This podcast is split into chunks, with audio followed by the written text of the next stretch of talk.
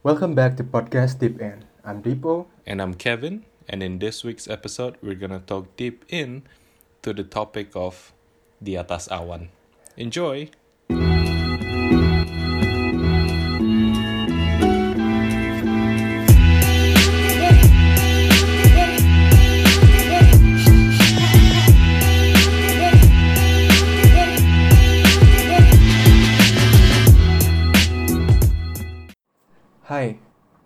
Sebelum lanjutin, gue pengen minta maaf dulu, gue dan Kevin, karena ada isu di recordingnya Rifan, tapi masih bisa didengar kok.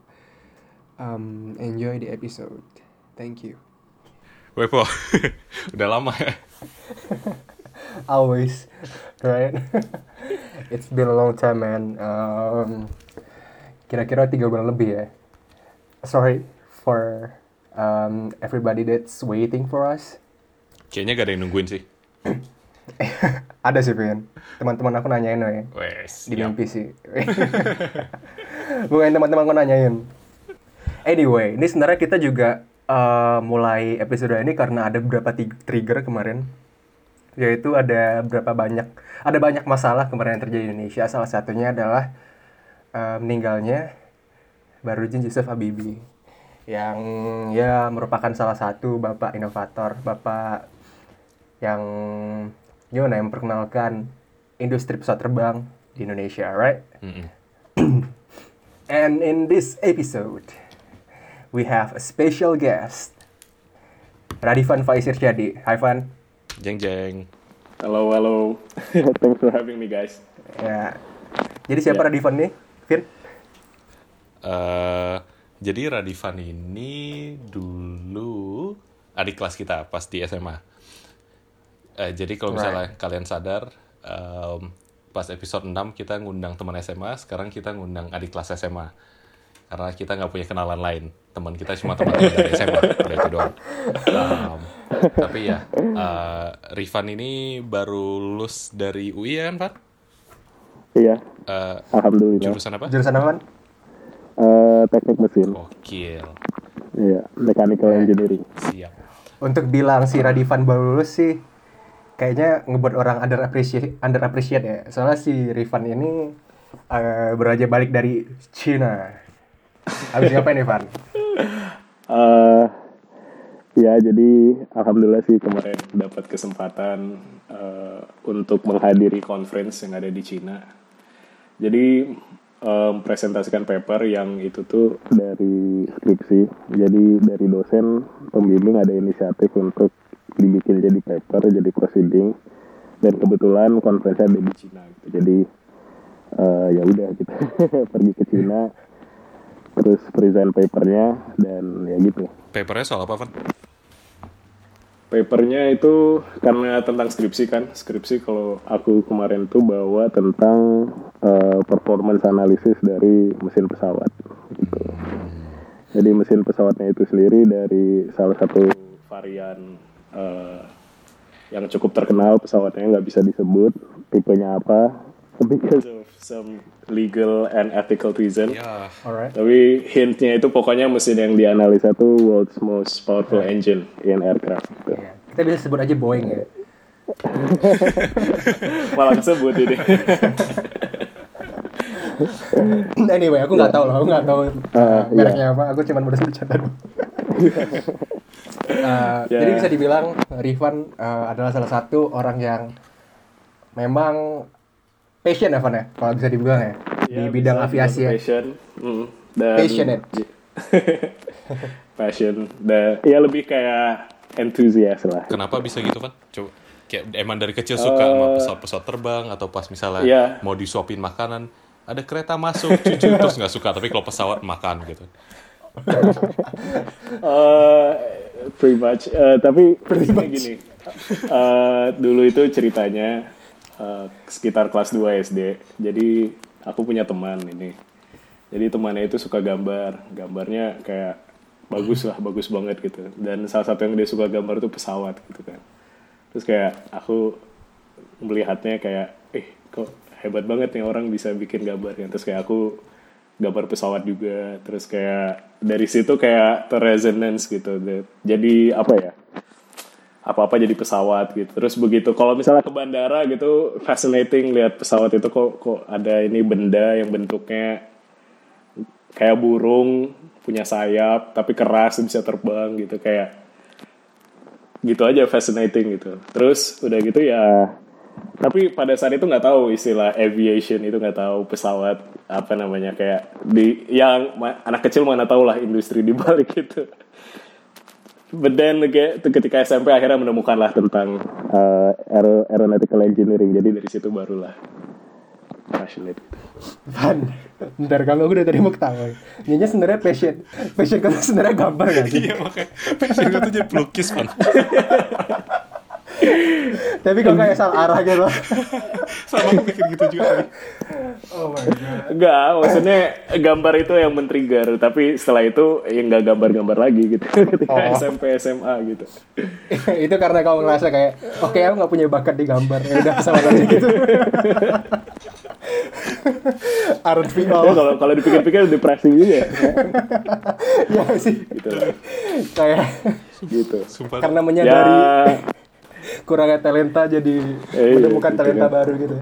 eh dari kecil udah depres gitu itu inspiratif sih bang. Tapi itu bisa jadi contoh sih buat anak-anak muda Indonesia. Maksudnya dari kecil udah tahu apa passionnya segala macam. Hmm. hmm. Iya hoki aja sih itu sih ketemu aja sih. Iya susah tahu ketemu apa ya orang yang bisa nemuin passion bukan passion sih mungkin dulu dari interest gitu kan oh cuma tertarik Iya. lah interest tapi ujung-ujungnya kau ngerasa oh ada industri yang bisa kau masukin terus ternyata kau suka jadi semuanya nyambung gitu loh Iya iya gitu benar-benar itu. indah aja Kayak kayak gitu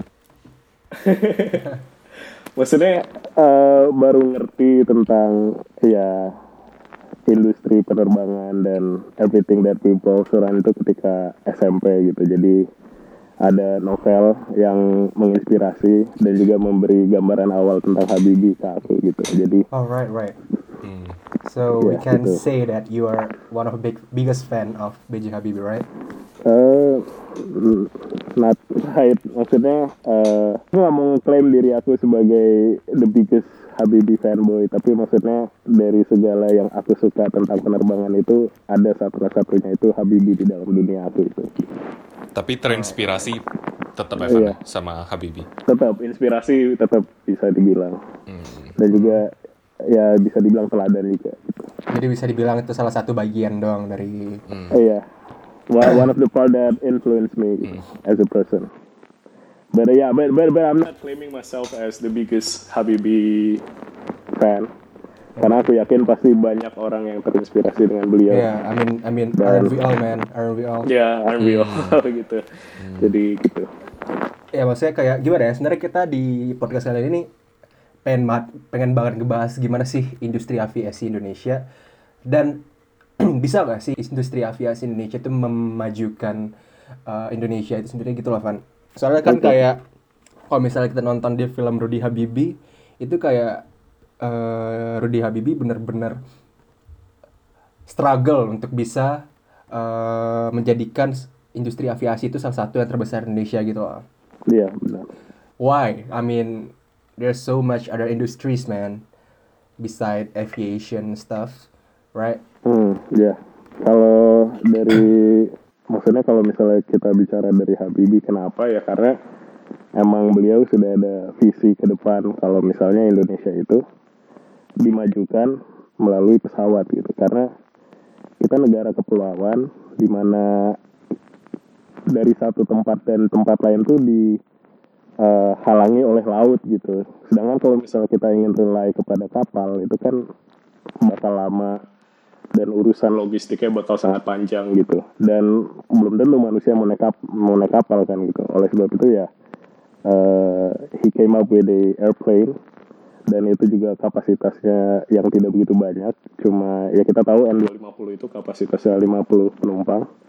Jadi ke depannya itu Habibie pada saat itu punya visi kalau misalnya ya untuk memajukan negara kita itu ya dengan cara mempercepat transport manusia dan barang gitu dan itu melalui medium udara gitu bukan melalui medium laut bukan dari darat gitu.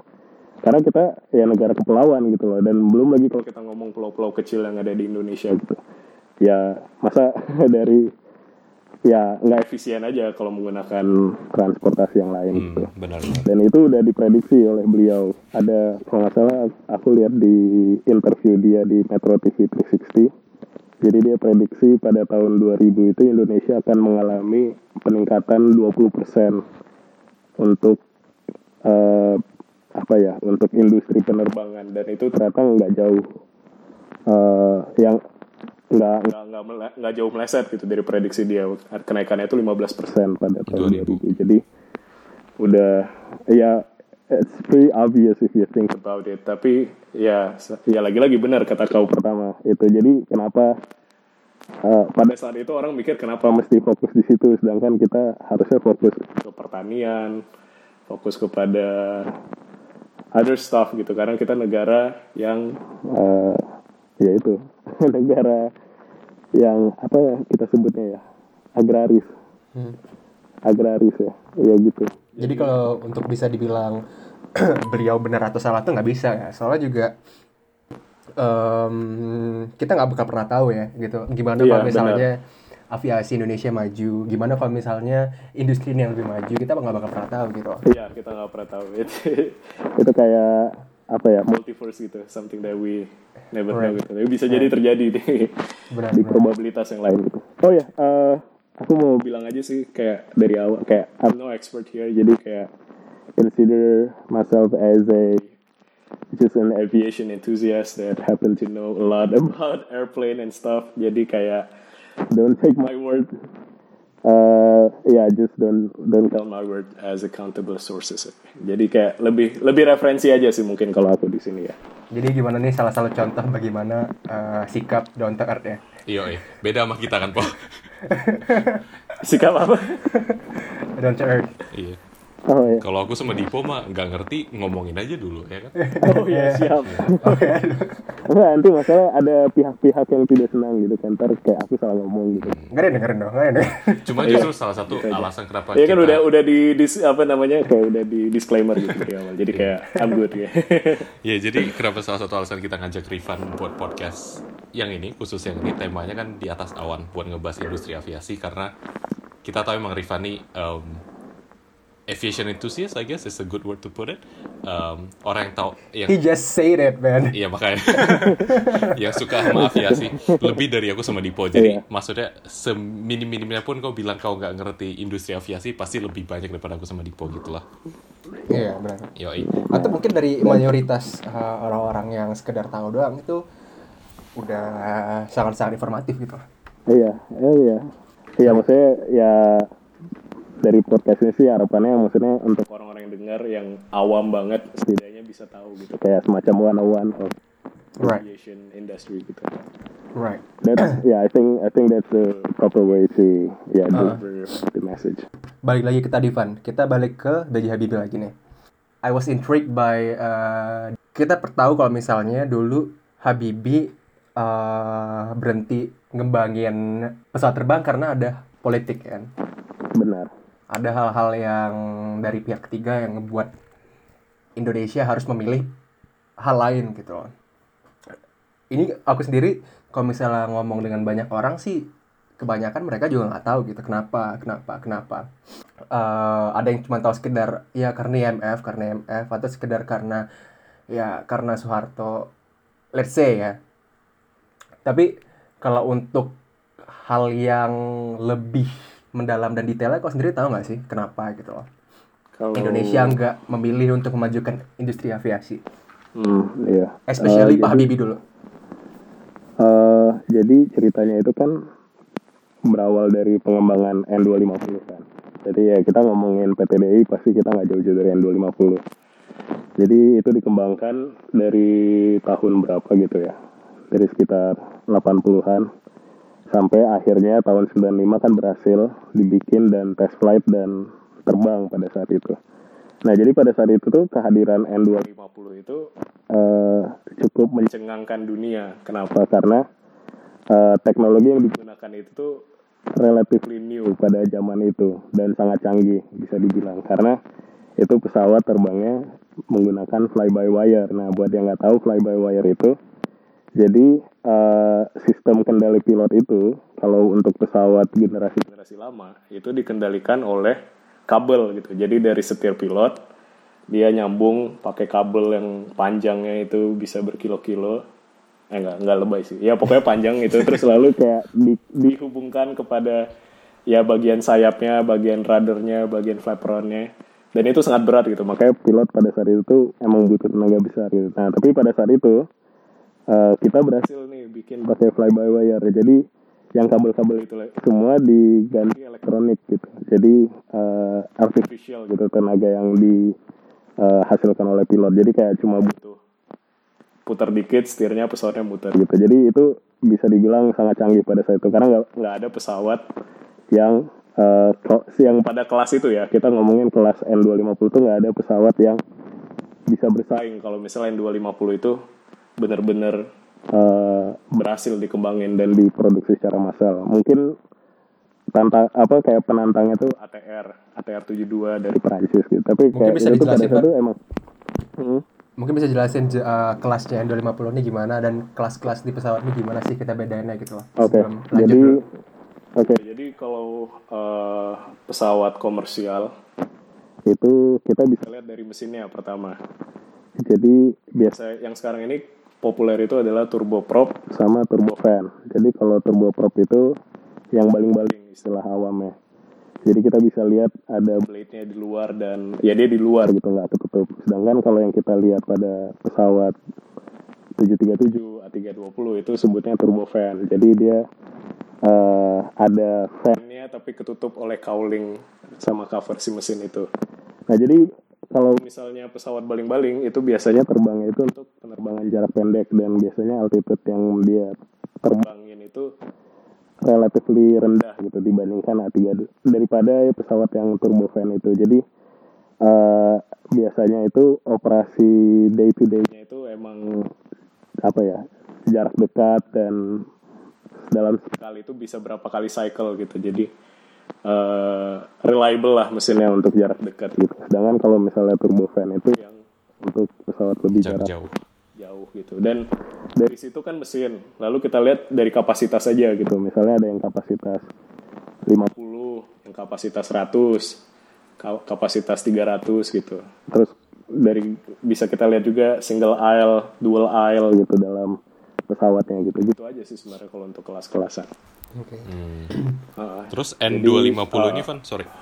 Eh, pesaing terdekatnya siapa yang tadi kau bilang yang dari Prancis? ATR 72 Hmm. Kenapa itu bisa jadi pesaing terdekat? Padahal eh, N250 ini pionir fly by wire? ya karena gimana ya aku gimana bilangnya juga eh, itu pesawat eh, pertama keluarannya tahun 88 jadi eh, maksudnya itu gini aja kita ngelihatnya itu kan pesawat buatan Prancis buatan Eropa. Ya pasti pasar pasarnya itu orang belinya dari ya globally gitu. Tapi kalau misalnya N250 ini kan dari Indonesia gitu. Dan pasar yang diincar pasti negara-negara yang developing gitu. Karena mereka tahu Indonesia could deliver an aircraft with a fraction of price dari AT- ATR 75 itu sih menurut aku sih Nah, Kalau mesin berarti nggak bisa dibilang mesin juga ya berarti ya.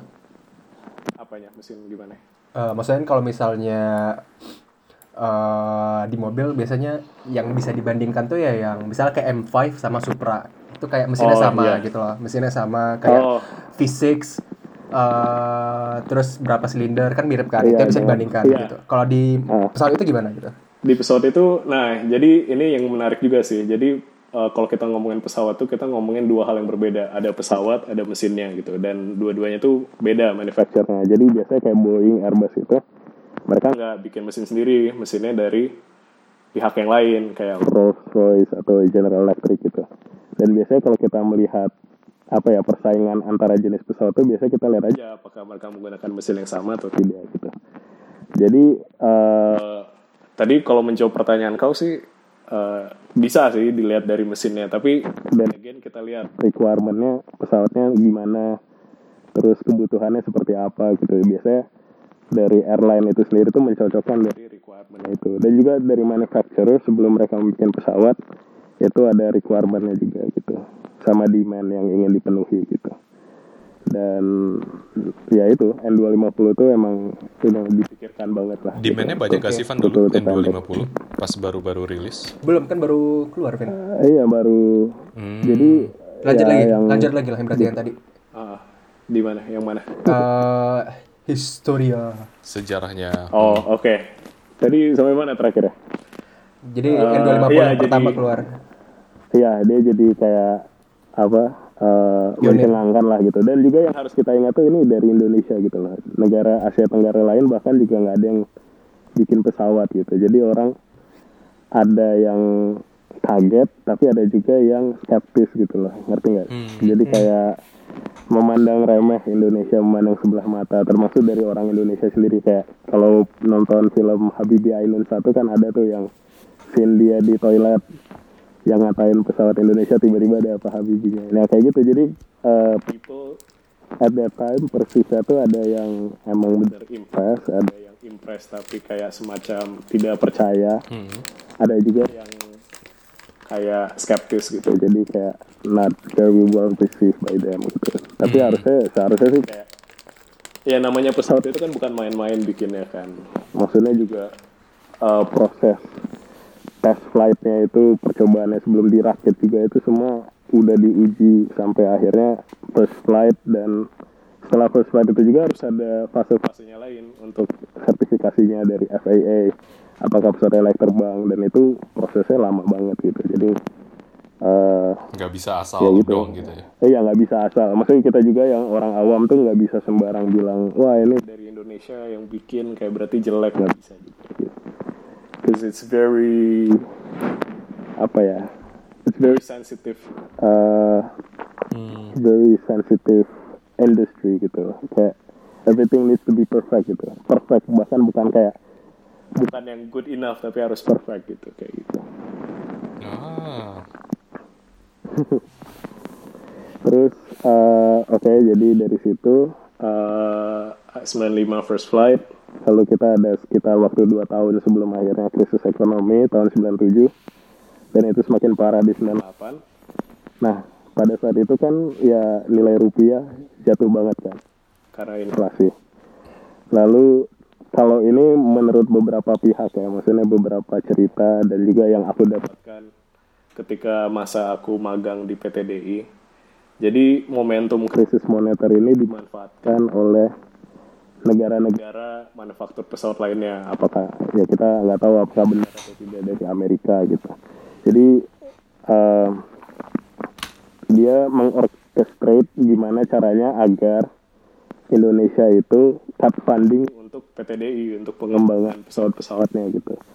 Nah itu melalui IMF gitu. Jadi uh, in order uh, in order our country gimana ya bilangnya kayak biar negara kita itu uh, bisa kembali pulih keadaannya itu harus nerima kayak bantuan dari IMF. Aku, aku bukan anak ekonomi nggak tahu lah istilahnya apa ya. Pokoknya kayak semacam bantuan tapi di situ ada perjanjiannya jadi perjanjiannya itu kayak eh, IMF mau bantu tapi kalau misalnya Indonesia hentikan segala funding dan support untuk industri penerbangan ini ya akhirnya pada saat itu setelah Soeharto turun Habibie naik ya Habibie harus bikin keputusan eh, yang sangat cukup emosional ya bagi dia ya karena Hmm.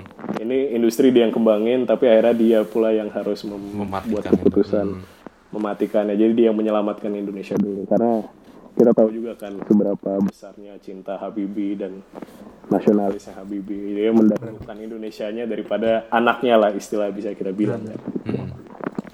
Jadi eh, ya beberapa kesaksian orang dan cerita orang bilangnya kayak gitu dari Amerika memanfaatkan momentum itu agar mematikan industri Indonesia karena eh, kalau efek jangka panjangnya atau secara moral kita bisa bilang kalau misalnya Indonesia thrive dengan N250 ini kita jadi negara maju gitu dan itu yang nggak mau oleh negara-negara Barat dan negara-negara Ya. But then again, we'll never iya. know, right? we'll never know about that gitu. Ya, ya. Ah, itu kayak yang aku dengar gitu loh. Jadi mungkin benar tapi kayak kita nggak tahu detailnya juga. Jadi ya mungkin orang bagi kalian yang dengar ini mungkin bisa kalian searching atau cari informasi lagi. tentang hal itu. Karena sih kalau misalnya dibilang Indonesia nggak ada Habibi lagi setelah Habibi itu uh, is too fun I think. Karena soalnya kan kalau misalnya untuk orang sepinter Habibi pasti banyak ya. Iya. Cuman ya mungkin yang sulitnya itu seberapa nasionalis sih orang-orang yang pintar itu Nah, gitu loh. ya nggak sih? Iya, benar sih. Apalagi di zaman sekarang eh, Iya. Apakah ada orang yang se cinta dan sebegitu dedikasi seperti Habibie kita nggak tahu apa ke depan. Karena every every everything I mean like everyone is consider them as a global citizen right now gitu. ya, Dan mereka nggak nggak percaya dengan nasionalisme gitu kebanyakan. Gitu. ya, ya, ya because of technology. Yeah, but but I'm very optimistic lah about the future. Right. Eh, tapi kalau misalnya bisa dibilang Habibi adalah yang memulai industri aviasi itu bisa nggak?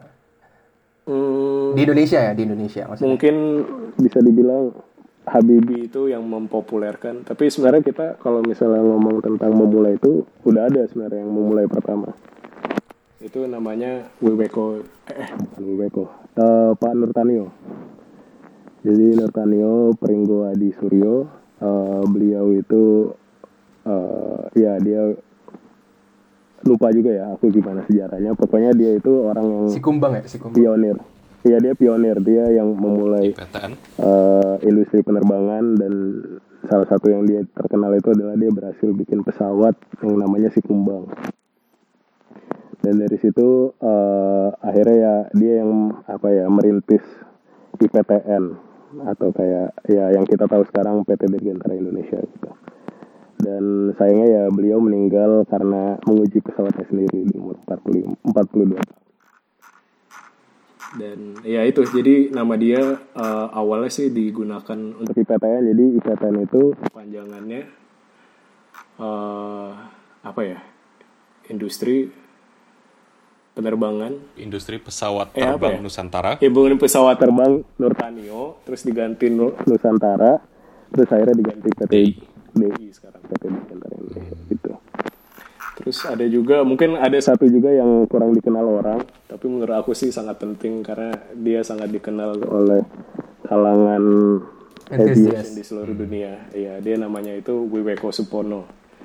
Jadi beliau itu eh, terlibat bukan hanya dari pengembangan pesawat tapi juga di maskapai. Dan dia itu yang memperkenalkan eh, sistem two seater untuk pilot. Jadi dulu itu pesawat itu eh, untuk menerbangkan pesawat ada krunya tuh banyak gitu. Jadi ada pilot, ada co-pilot, ada flight engineer, ada navigator, ada pilot cadangan gitu. Jadi kan penuh itu di depan cockpit. Nah, sama Wiweko ini dia berpikir kalau itu tidak efisien gitu. Eh, jadi dia bikin sistem di mana untuk penerbangan pesawat itu cuma butuh dua gitu. Nah, itulah yang sampai sekarang juga dipakai oleh seluruh pesawat ya. Bisa dibilang dia juga Indonesia. dong ya. Eh, iya bisa dibilang. Maksudnya juga atau mungkin aku lebih prefer bilang dia be-influence salah satu orang yang Sistem paling ter- berinfluence di itu. industri penerbangan gitu. Iya. Followernya banyak lah. ya. Iya. Lalu ya Habibi, Habibi kita tahu lah. Gimana caranya dia mindain segitu banyak orang jadi dua sistem dong?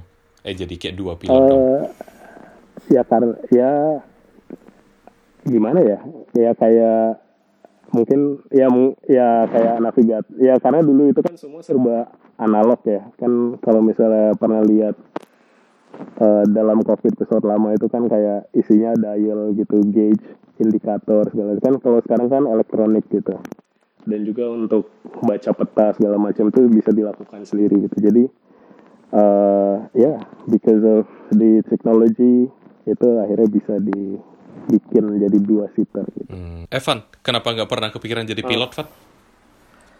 Eh gimana ya? Kalau dulu sih mikir kayak pilot kan nggak boleh pakai kacamata gitu. Terus kayak ya udah aku kayak semacam apa ya? Kayak udah putus asa aja. Oh ya udah nggak jadi pilot gitu. Cepet banget ya. iya. Padahal ternyata eh, pilot juga ada yang pakai kacamata juga gitu. Jadi kayak cuma gitu sih. Tapi ya akhirnya kayak lebih kayak apa ya? Mungkin ada ide idealis idealisnya gitu. Jadi nggak mau yang bawa pesawat, maunya yang bikin pesawat gitu. Wes, gokil. Tapi aku masih ada cita-cita sih. Maksudnya kalau misalnya aku emang ya kita nggak tahu kan ke depannya kalau misalnya aku berhasil berkarir di dunia penerbangan ini aku mau jadi test pilot Amin. punya mimpi jadi test pilot Amin. jadi bisa bawa pesawat Oh, bahkan bukan ini ya eh, untuk dibilang kau ingin kau ingin memajukan industri aviasi itu terlalu idealis nggak sih? Kalau iya, kalau aku sih dulu sih keluar-keluarnya ketika SMP, SMA sih kayak gitu kan. Oh, I want to contribute Hmm. myself to the country through aviation. Tapi kalau sekarang sih lebih realistis dan lebih tahu kondisi lapangan seperti apa. Ya aku lebih kayak fokus ke diri bagaimana bisa mempenetrate pasar itu tapi untuk level influence dan memajukan sih aku belum sih. we'll never know, we'll never know. We'll never know. Ya, back again. Quote quote political situation, right? Iya, benar. Ya maksudnya kalau misalnya eh, Indonesia kayak Jerman yang benar-benar memajukan sistem research mereka ya, why not gitu lah. Iya benar gitu. Dan maksudnya kalau aku lihat sekarang eh, untuk Indonesia ya eh, mungkin penerbangannya itu lebih ke arah sistemnya untuk apa ya untuk industrinya itu sendiri kayak maskapai dan bandara itu yang harus difokuskan dikembangkan daripada membuat pesawat sendiri. Karena it's very expensive gitu loh untuk bikin pertama ya bikin pabriknya setelah itu kita ya namanya itu harus ada risetnya kan dan riset itu harus menggaji orang kan.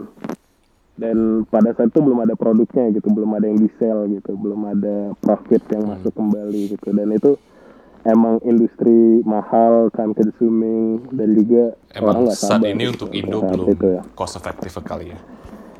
Iya, tapi maksudnya dengan kita lihat sekarang kan R80 itu yang sangat digenjotkan itu ya kita sih mendukung aja ya. Tapi maksudnya me personally melihat R80 itu masih jauh sih. Aku cuma bisa bi- aku nggak bisa bilang negatif dari hal itu, tapi maksudnya aku bisa bilang Cuma kurang selera gitu masih, ya. masih jauh gitu. Kita nyampe R80, tapi ya semoga aja kita bisa dengan keinginan yang besar mungkin orang-orang Indonesia bisa. Ya maksudnya kalau dibandingin R80 dengan N250 ya ya nggak sih?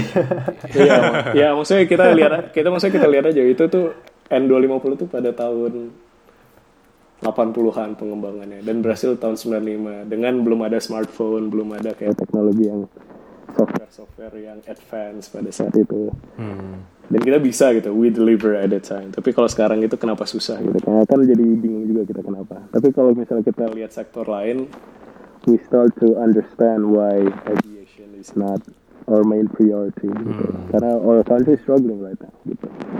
Dan banyak hal-hal lain yang emang lebih dipriorit bukan lebih penting lebih diprioritaskan lah ya saat ini daripada Iya industri benar gitu. aviasi. Karena iya karena menurut aku percaya pengembangan itu pasti ada trade off ya gitu. Jadi kalau kau kembangin satu pasti ada yang terlantar satu gitu. So it's sekarang- not iya benar pasti ada trade off gitu. Itu Sebenarnya sebenarnya mimpi kita tuh bukan mimpi anak-anak muda yang zaman sekarang tuh harusnya bukan eh, gimana bisa memajukan suatu industri nggak sih, tapi gimana bisa eh, adanya platform untuk memajukan suatu industri gitu nggak sih? Lebih ke Iya. platform gimana sih suatu industri bisa maju? Lebih ke situ nggak sih? Kalau untuk sekarang, Eh, kayak aku bilang tadi misalnya research gimana sih supaya Indonesia tuh Iya. bisa eh, mensupport secara 100% orang-orang Yes, yang research benar. dan seperti itu gitu loh. Iya harus ada. Ya maksudnya kalau yang kau maksud platform itu adalah research ya aku sangat setuju karena Indonesia itu tidak memprioritaskan pada research kan. Karena mereka pikir research itu buang-buang waktu, Buang waktu tidak ada produknya, ada duitnya. bosenin gitu kan. Maksudnya nggak usah jauh-jauh aku di UI aja ngerasakan gitu loh. Research itu nggak se geliatnya itu tidak segenjot kayak di luar negeri gitu.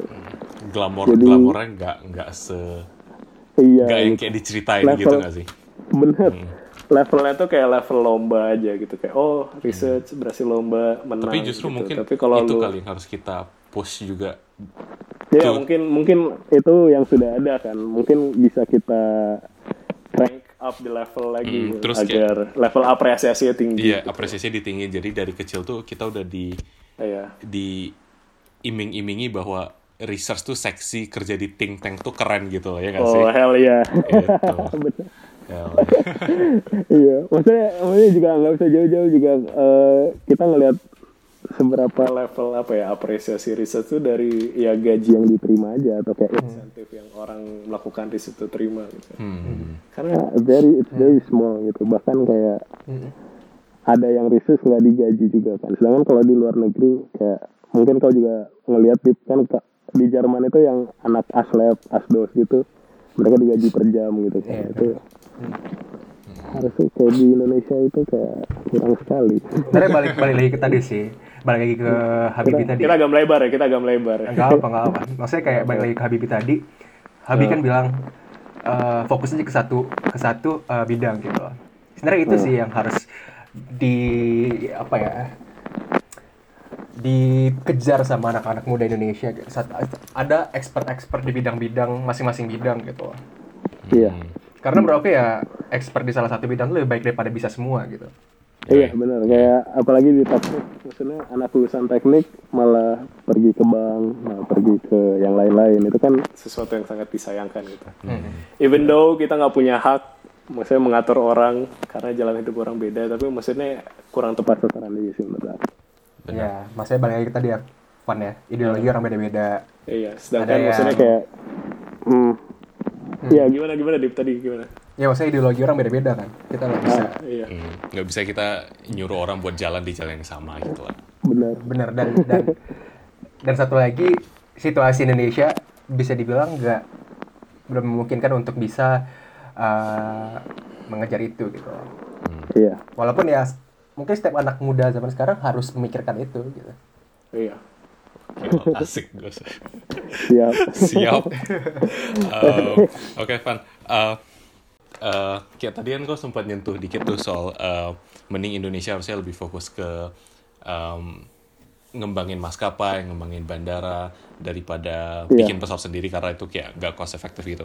Emang kondisi maskapai, kondisi bandara kita sekarang menurut kau gimana, Van? Udah oke kah atau ya harus yang perlu dikembangin tapi apa yang harus difokuskan? Apakah lebih ke fasilitas, service atau emang lebih ke um, maskapai sendiri gimana mereka ngelolanya gitu?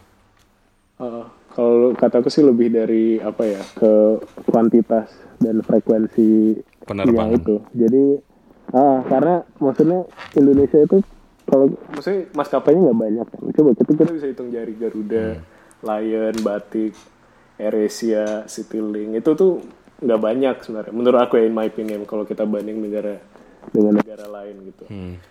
Eh, dan pertumbuhan ekonomi itu pasti inline dengan pertumbuhan aviasi itu udah pasti karena ada beberapa research paper yang aku baca ya putaran uang itu di situ gitu bahkan kayak yang orang rajin jalan-jalan itu juga sebenarnya dia berkontribusi terhadap perekonomian daerah itu sendiri gitu Hmm.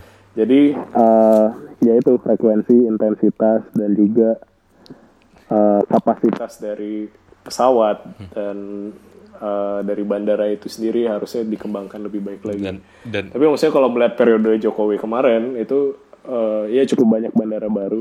Jadi aku melihatnya sih senang sih melihatnya karena eh, ya aku ya itu aja kayak apa yang aku pelajari itu terrealisasikan walaupun lajunya belum sesuai dengan yang kita harapkan. dan ini sejalan Dan dengan melihat- sorry, de- sejalan dengan em, mimpi dan ide Habibie yang dulu ya nggak sih?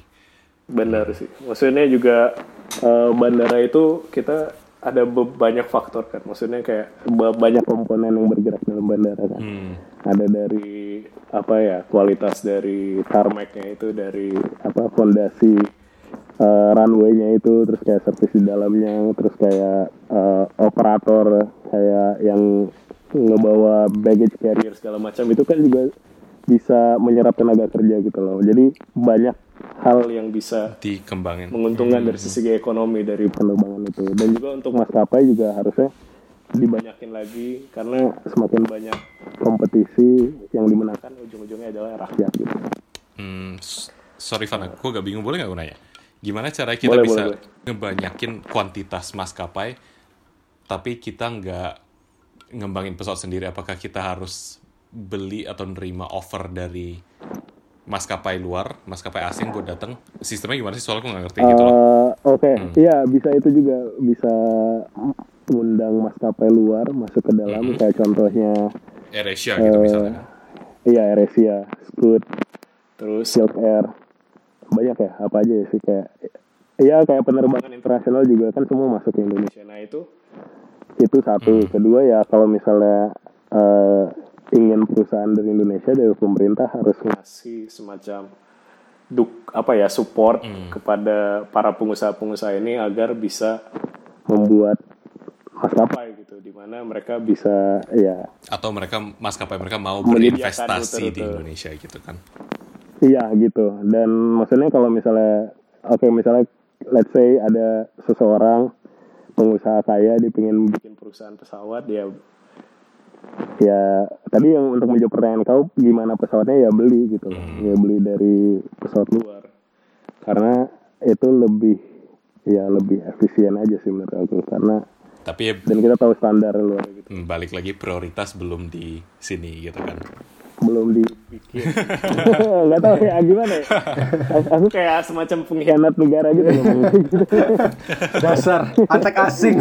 dasar ya mengendorse beli pesawat luar gitu ya gitu Coba deh. maksudnya kayak eh, oke mungkin agak susah ya kayak mungkin eh, memberi konteks kepada para pendengar ini apa yang aku maksud tadi Hmm. Eh, mungkin agak sedikit bawa ke topik baru ya tentang bagaimana ke depannya itu model dari eh, industri penerbangan dari yang dioperasikan oleh maskapai. Nah, jadi eh, sekarang itu manufacturer bikin pesawat lebih canggih kan.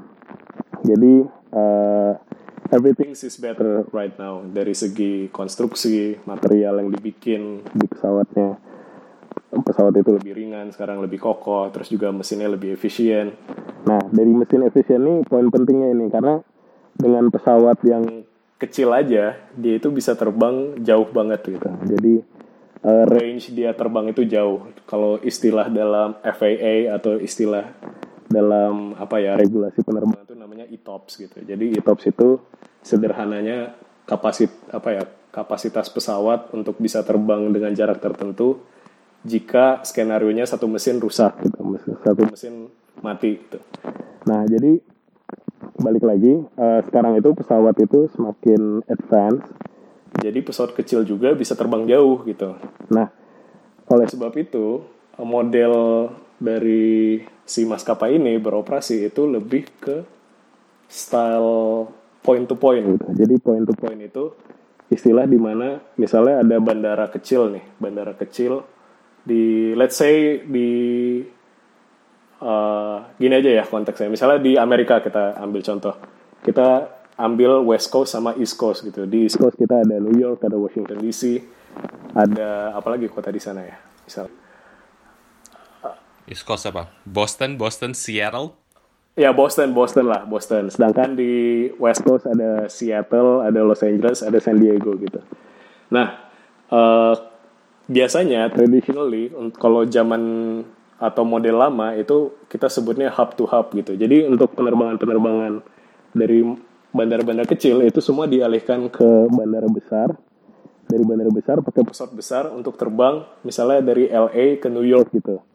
Nah jadi misalnya ada orang dari San Diego mau ke New York, itu dia nggak bisa langsung. Jadi dia harus ke Los Angeles dulu, dan di situ ketemu penumpang dari kota-kota lain, baru mereka digabung dalam satu pesawat yang besar, lalu terbang mereka ke New York gitu. Nah itu namanya hub. Gampangnya Iya. kayak Pekanbaru, Jakarta, Malaysia gitu ya. Iya gitu. Jadi kayak eh, pesawat makanya dulu pesawat itu kan bikinnya gede-gede kayak 747. Terus kayak A380 itu juga salah satu untuk menjawab kebutuhan itu demand dari eh, model hub to hub. Nah, tapi sekarang karena lebih canggih, mesinnya lebih efisien dan lebih kuat, akhirnya bisa tuh dari San Diego langsung ke New York gitu. Dan dari situ justru lebih lebih efisien karena penumpang nggak perlu ganti pesawat, terus kayak sekali langsung deliver, nyampe di sana pesawat ya unload, terus masukin barang lagi, masukin penumpang, isi bahan bakar, terus terbang lagi gitu kan. Jadi very efficient, very connected, very sustain. Nah itulah Nah itulah yang dipakai sekarang oleh kebanyakan maskapai karena pesawatnya itu udah canggih sekarang dan uh, usually orang yang operate in that model of point to point itu low cost carrier Kayak Ryanair ya. kayak Ryanair kayak uh, apa namanya EasyJet. Terus kalau di Amerika kita ada Southwest. Kalau di Indonesia ya AirAsia atau tapi lebih tepat sih kalau Indonesia apa ya yang low cost ya Citylink. Citylink. Hmm. Citylink juga belum sih kayak. Tapi nggak juga maksudnya. Nah, jadi yang mau aku point it out, uh, pesawat-pesawat low cost carrier ini kenapa bisa disebut low cost? Karena mereka itu operate one type of aircraft gitu. Maksudnya one type of aircraft? Jadi Ya, si kita ambil Ryanair lah. Ryanair itu dia pakai satu tipe pesawat. Jadi dia pakai 737 gitu. Jadi dia punya berapa armada? 500. 500 itu semuanya 737 gitu. Jadi dari situ dia cuma butuh kalau misalnya ingin rekrut pilot, ya pilotnya cuma butuh kualifikasi 737 gitu. Dan dia bisa di rolling ke pesawat mana aja gitu. Terus butuh flight attendant juga flight attendant, uh, stewardess gitu kayak pramugari juga cuma dilatih untuk satu tipe pesawat gitu kan. Jadi itu price semua kan apa cut cost semua kan, cut cost semua kan. Jadi itulah uh, that's the future of aviation right now gitu dan harusnya kalau aku ya in in my personal opinion Indonesia itu butuh maskapai baru yang fresh dan yang mengadop sistem itu gitu karena uh, kemampuan dan kapasitas masyarakat Indonesia sekarang tuh sekarang udah bisa beli tiket pesawat untuk liburan bahkan bukan untuk kepentingan yang urgent atau yang penting gitu. Untuk liburan ini udah mampu gitu. Dan harusnya with that amount of demand dari kaum kaum milenial ini yang sekarang juga kita bisa lihat banyak aplikasi kayak Traveloka, tiket.com, pergi-pergi itu kan inline semua kan. Harusnya bisa di apa ya bisa di capitalize Iya, gitu. bisa dijadikan katalis dengan baik. untuk ngemajuin industri low cost carrier ini. Benar, gitu. 'Cause Jadi harapan aku sih ya harusnya ya ke depannya tuh ada maskapai baru di mana dia menggunakan model penerbangan seperti itu point to point yang dia nge-serve banyak rute dan operate dari satu tipe aircraft gitu. Dan kalau dari situ if, if if they can manage that gitu siapa pun orangnya itu di masa depan I think Indonesia ya bisa snowballing ke depannya. Bakal ya benar kayak tadi kata kau mengkatalis eh, komponen-komponen lain yang mendukung industri ini gitu. apakah orang itu akan namanya Radifan Faiz Irsyadi? Oh, itu satu impian sih bisa dibilang, tapi nggak tahu itu gimana ya. Amin. Tapi maksudnya kayak kalau dari aku sih emang ada rencana pingin ntar akan merambah ke dunia gitu commercial flight. Hmm. Iya. Apalagi kan juga penumpang sekarang mereka nggak nggak peduli dengan kemewahan, nggak peduli dengan ini. Benar, mereka iya. lebih lebih pada apa?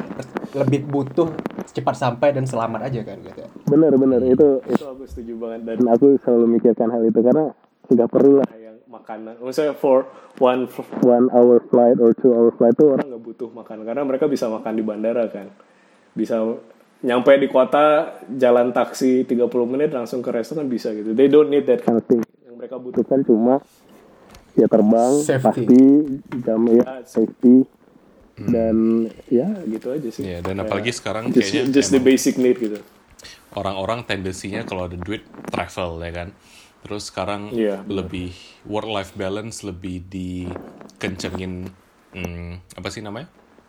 Kayak promosinya gitu kayak orang lebih yang kayak oh prioritaskan work life balance, um, work hard tapi play hard juga. Jadi kalau misalnya ada opsi-opsi low cost carrier yang cepat berkualitas ini, kalau misalnya kau kerja di Jakarta, weekend mau liburan, oh nggak harus cuma strive, kayak man. ke Bandung. Iya, Iya. kau bisa ke mana aja sejam murah, terus Senin balik lagi kerja ya kan. Iya. Seharusnya Terus ada juga- sih pasarnya bener. kalau bisa dibuka rute-rute yang kota-kota yang mau berkembang gitu, yang mau buka apa namanya ya kayak untuk pariwisatanya tuh sedang struggling gitu kan kalau misalnya banyak yang datang otomatis ya pasti pengembangannya juga bakal sejalan juga gitu dengan jumlah orang yang datang ke Bisa majuin turisme di kota-kota kecil Iya. ini juga gitu kan. benar Dan again balik ya ke ini- Indonesia, balik lagi ke tadi APB Indonesia bisa naik kan. Kayak kau bilang orang yang eh, berpergian dengan pesawat kan juga ikut memajukan ekonomi gitu. Iya. Iya benar. Dan kalau bisa juga buka rute jangan Indonesia Indonesia lagi kayak di negara Asia Tenggara gitu. Kayak jadi biar orang dari Asia Tenggara bisa datang ke Indonesia gitu. Karena sangat sayang ya kayak kita negara terbesar di Asia Tenggara tapi kita nggak nomor satu pariwisata gitu kan. Hmm. ironis gitu. Justru Thailand kan nomor satu tapi kayak Malaysia di atas kita. Padahal kita punya banyak kekayaan budaya. Dan alam yang bisa dibilang ya sangat banyak gitu. Jadi gitu So much potential. ya man. we got so potential gitu kayak Iya. Benar. Anyway, sepertinya sih udah hampir sejam ya. Gila, nggak nggak kerasa? iya Nah, kita tutup aja kali ya. Seperti biasa, eh ada jokes nggak penting dari Kevin dan fun fact. Mungkin kali ini fun fact-nya dari Rifan aja kali ya. Dasar pemalas apa? Jadi kita tuh setiap akhir podcast tuh ada fun fact, kasih fun fact gitu, Van. Um, whether it's about the theme that we are talking about atau tentang apa aja nggak masalah.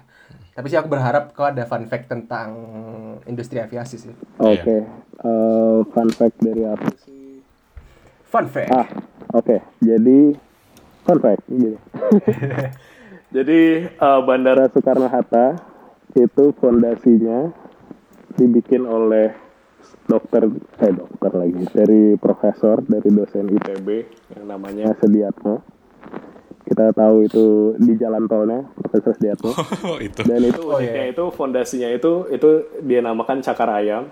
Kenapa? Karena eh, jadi eh, di Cengkareng itu eh, apa ya tanahnya tuh rawa. Jadi itu tuh sangat lembek gitu. Tapi bisa dibikin bandara karena ya fondasi itu. Gitu. Jadi itu salah satu juga apa ya kayak bisa dibilang eh, temuan yang digunakan di seluruh dunia gitu. Jadi kayak salah satu yang Oh iya. pionir dan apa namanya ya kayak sangat trademark lah sehingga dikembangkan dipakai negara lain gitu. Maka Oh. dari itu Soekarno Soekarno Hatta itu tidak tenggelam.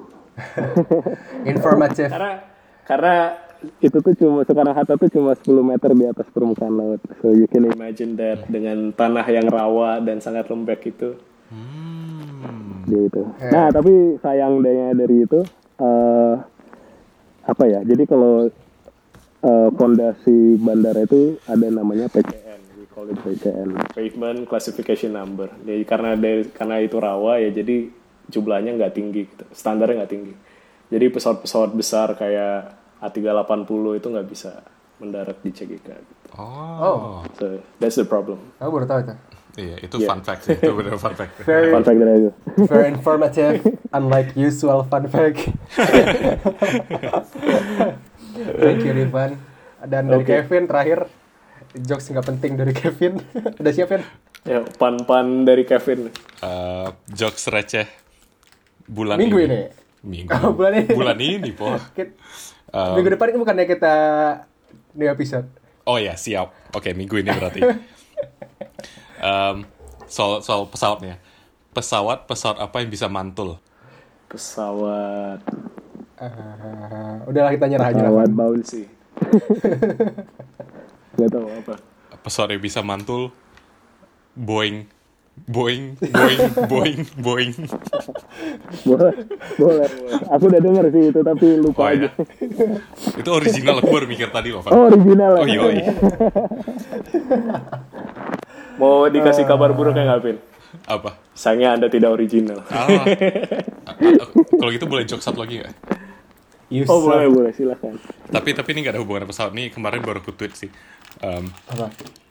ntar aku buka dulu. Ya. Yang Tuan Crab ya jangan. Oh enggak, ini setelah itu. Em, Tuan Crab suka boba. Tuan Chris suka bawa. Aku udah commit sih si Kevin. Apa?